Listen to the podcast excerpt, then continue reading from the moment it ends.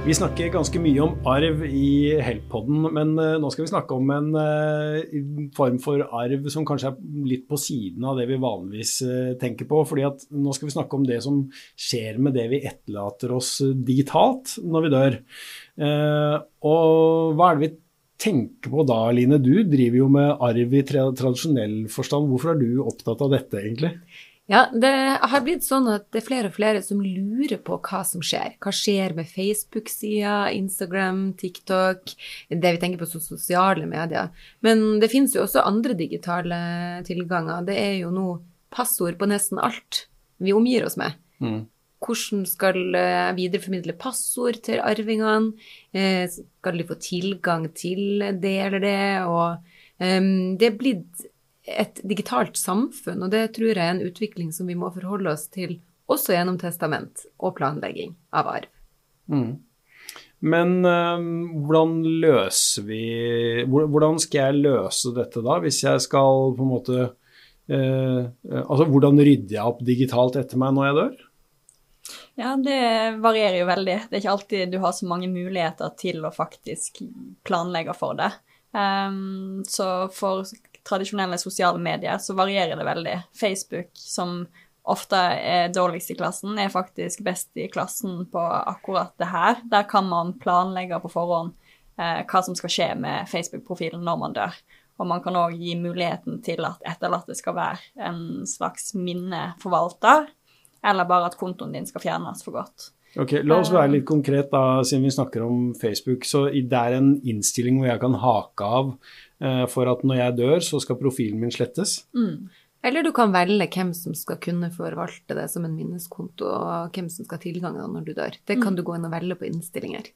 Men er jeg avhengig av at uh, noen sender inn dødsattesten min da uh, til Facebook, eller går dette av seg selv på noen måte? Det vil nok være behov for at noen melder ifra om det, for jeg tror ikke Facebook snakker med uh, norske myndigheter per i dag. mm. Nå begav vi oss ut på de ulike nettsamfunnene med en gang. så la la oss ta noen flere, da. Nå er vi ferdig med Facebook, og du sa at de er best i klassen. Det er jo litt dårlig nytt, egentlig. Ja, og ikke bare det at man kan planlegge på forhånd. Der vil òg pårørende ha muligheten til å ta kontakt med Facebook hvis ikke du har eh, gjort noe på forhånd sjøl. Så vil de kunne eh, både be om at det skal bli en minnekonto eller eh, slettes.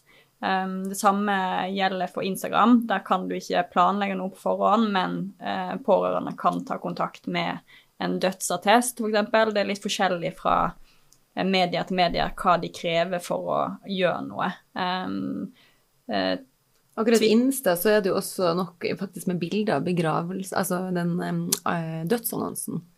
Ja. Mm. Så, hvis man ikke har fått skifteattest. Ja, så det, det, er ingen sånn fasit på hva den enkelte nettsida krever. Uh, men der òg kan man i hvert fall få gjort ting etter noens død, da. Og det samme med, med Twitter. Uh, ingen mulighet til å planlegge på forhånd, men man kan eh, som pårørende ta kontakt med riktig dokumentasjon og få noe sletta. Eh, og så er det TikTok, der, som ikke er så flinke. Der har man ingen muligheter. Eh, der vil eh, Altså selv om man tar kontakt som pårørende, så vil man ikke kunne få fjerna ei side. Men etter et visst antall dager med inaktivitet, så vil navnet på brukeren din bli endra til et langt siffer. Ehm, men bildene og videoene vil ligge der for alltid, egentlig. Ja, eh, Du nevnte pårørende, at eh, man kan henvende seg med en dødsattest f.eks. Men, men hvor går grensa egentlig? Jeg har jeg, altså jeg kjenner noen jeg skvetter hvert år fordi jeg, at uh, plutselig får jeg en påminnelse om at den og den har bursdag, til tross for at de har vært uh, døde i flere år. Og det er ingen som har, tydeligvis har gjort noen ting da, for å få disse profilene sletta. Kan jeg, kan hvem som helst egentlig henvende seg uh, og si at denne personen er død? I utgangspunktet så tror jeg ikke du hadde kommet noen vei da. Ja. noen av nettsidene krever til og med at du har en skifteattest. Uh, mens de fleste krever kanskje mer en eh, dødsannonse eller um, mm. uh, dokumentasjon på at vedkommende faktisk er død. Da. Så hvis du hadde hatt den dokumentasjonen og tatt kontakt med Facebook, så kan det jo være at de hadde uh, fulgt forespørselen din, men mm. Og det er jo egentlig fint at det er sånn, for det er jo noen som også ønsker eh, å fortsette å ha sider som er sånn minne, hvor de kan gå inn og Mm. titte på bilder og sånn. Så der er vi jo forskjellige. Men akkurat når det gjelder Facebook, som jo veldig mange har, så tror jeg det er viktig å vite om muligheten for å lage det om til en minneside. For det er det ikke alle som vet. Mm. Hva gjør jeg da? Da tar du kontakt med Facebook. Det, du kan gjøre det sjøl inne på innstillinger, så Mm. um, bare ta en liten leiterunde inne på, Mm. på de mulighetene som finnes der. Ja. Ja. Og hvis, det, hvis du ikke har gjort det selv, da, så kan man ta kontakt med Facebook og få gjort det om til en minnekonto. Mm. Men um, eh, dette betyr jo da at eh, hvis jeg ikke har tenkt så nøye over dette, eller eh, eh, ja, eller, eller har noen uh, foresatte som tar grep, altså risikerer jeg en form for digitalt evig liv etter at jeg er borte, hvis jeg ikke har, uh, har gjort noe for dette selv. Men um, hvordan tenker du, Line, at vi som advokater kan bidra til å rydde opp i dette, da? Mm. Ja, så akkurat når det gjelder sosiale medier, så tenker jeg at der, der bør man kanskje gjøre noen tanker. Hvis ikke ville jeg trodd at det var best å få sletta. Eh, men der er det jo greit. Men vi har jo andre ting med passord, eh, annet bilder som vi får mye spørsmål om. Mm. Avdøde var kanskje den som hadde lagra alle bildene i iCloud. Ja. Og så har ikke lengstlevende ektefelle samboer passord til iCloud. Og så ligger alle barnebildene og alt ligger der. Mm. Eh, og det er jo egentlig kanskje der problemet begynner å bli vanskelig, for det har jo stor affeksjonsverdi. Em, og da tenker jeg at du bør ta noen grep. Ja, hva, hvordan skal man gjøre det? For det, der, det problemet der er høyst reelt, tror jeg. Ja. Eh, altså Da har man muligheten til å bruke forskjellige apper for å lagre passordene sine. Um, og en funksjon der hvis man dør, så vil disse passordene bli sendt til eh, eh, de som man har satt opp som pårørende. Da. Så da vil man kunne dele alle disse viktige passordene for at eh, em, kona eller mannen skal eh, eh, få innloggingsmuligheten etter at du er borte. Ja, dette er ulike sånne passordhvelv, rett og slett. Ja. Det finnes mange av dem. Ja. Men du kan vel også gå direkte inn på iCloud og ha sånn legacy mm. Både iCloud og Google har vel òg muligheten til at man instruerer den type ting på forhånd. Uh, ved at eh, etter inaktivitet i så og så lang tid, så vil eh, den du har satt opp som tillitsperson, få eh, en e-post med passord og tilgang til det du har etterlatt deg digitalt. da. Mm. Det var et uh, godt råd. Uh, Line, vi har tidligere laget en uh, podkastepisode om uh, framtidsfullmakt, som uh, mange er opptatt av. Kunne det vært en løsning å ta inn Altså, en framtidsfullmakt er en eh, fullmakt som eh, forteller hvem jeg eh, gir i oppgave å forvalte måte mine rettigheter når jeg ikke er i stand til å gjøre det selv lenger. Kunne man lagt inn liksom at eh, jo, Line skal på vegne av meg håndtere mine passord osv. når jeg ikke kan det lenger selv? Altså, du kan jo gjøre det, men det er jo opp til mottaker å bestemme om de aksepterer den fremtidsfullmakten. Og fremtidsfullmakt er jo ikke i alle land, og det er jo Nei. ikke alle leverandører av tjenester som er i Norge. Og så eh, er spørsmålet vil en norsk fremtidsfullmakt stå seg i USA, ikke sant. Så vi får en del internasjonale utfordringer her. Men det jeg tenker du kan gjøre, er jo uansett i fremtidsfullmakten å si noe om det.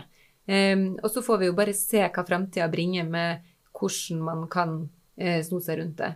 Men når det gjelder akkurat det som Linn snakka om i sted, eh, med iCloud og, og Google eh, Inactive Account, så vil jeg absolutt anbefale egentlig alle å gjøre noe med det. Fordi bilder spesielt er jo veldig verdifullt. Eh, og da kan du legge opp til at passordene dine blir sendt hvis kontoen er inaktiv i tre måneder, seks måneder, 18 måneder, ikke sant. Jeg tenker Hvis du ikke har brukt den på 18 måneder, så er jo sannsynligheten ganske stor for at du er indisponibel av den ene eller andre årsaken. Mm. Eh, ja.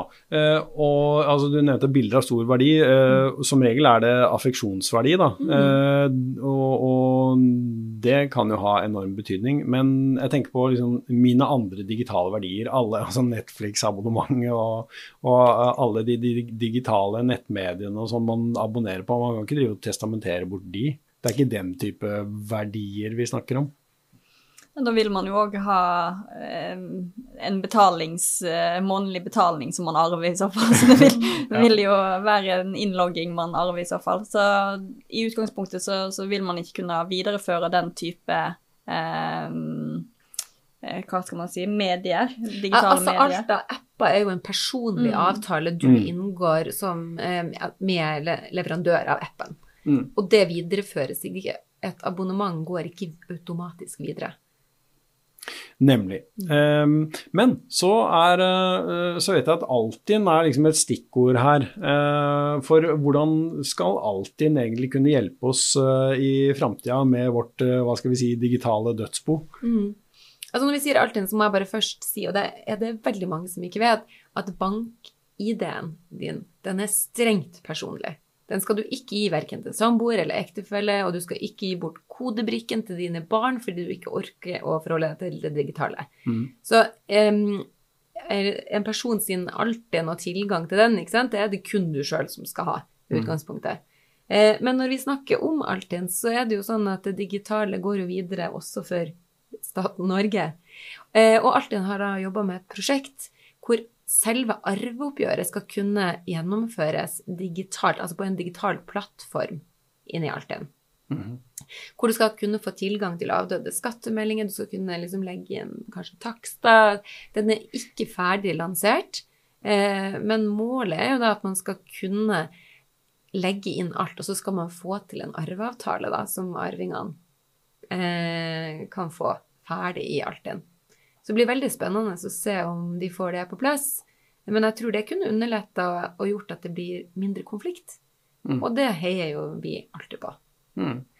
Ja, eh, men tenker du at dette eh, gjør at arveoppgjøret i større grad kan overlates til eh, de etterlatte alene, eller blir dette et verktøy for advokatene? Jeg tenker at det blir et verktøy for de dødsboene hvor det ikke er helt krisestemning. Ja. Jeg tror det er det krise, der er det forts vil det fortsatt være behov for eh, litt faglig bistand. Mm. Det tror jeg. Sånn at det her er nok mer for de som. De som bare trenger et oppsett på hvordan ting skal fordeles der det ikke er noen konflikt. Men så lenge det er en konflikt, så, så er det jo ofte òg behov for en advokat. Mm. Linn Monsen, Line Karlsen Ask, uh, dette var eh, et lite innblikk og noen tanker i uh, den digitale arven vi etterlater oss. Eh, til slutt, eh, hvordan forebygger vi eh, at eh, etterkommerne våre får eh, altså et komplisert, eh, også digitalt arveoppgjør etter at vi er borte? Noen råd til slutt? Ja, Det første er kanskje å ha et bevisst eh, forhold til det. Tenk over hva vil du at skal skje, og gjerne òg skriv det ned. Sånn som vi snakket om i stad. Det er ikke sikkert at det, en fremtidsfullmakt eller et testament vil få virkning overalt, men det gjør i hvert fall ingen skade. Eh, så, så formaliser de tingene du ønsker at eh, du skal oppnå. Det er i hvert fall ett tips. Og så tenker jeg eh, på den iCloud og Google-account og legge inn eh, noe der i forhold til inaktivitet. Eh, og så vurdere ulike tjenester som passwordbox og sånn, som kan spare på passordene dine. Mm. Det, er jo, det, det må jeg bare si nå akkurat når vi snakker om passord, fordi på mobiltelefonen din, iPhone i hvert fall, så lagres jo alle passord eh, på innstillinger. Men da må du jo ha tilgang til mobilen. Så noen gjør jo det at vi gir koden til mobiltelefonen sin til pårørende. Med mindre man endrer den ofte. Det vet jeg ikke. Men det er jo mange muligheter, ikke sant. Og vi tenker jo at du må finne det som passer best for deg. Men vi vil at du skal tenke på en løsning. Mm. Mm.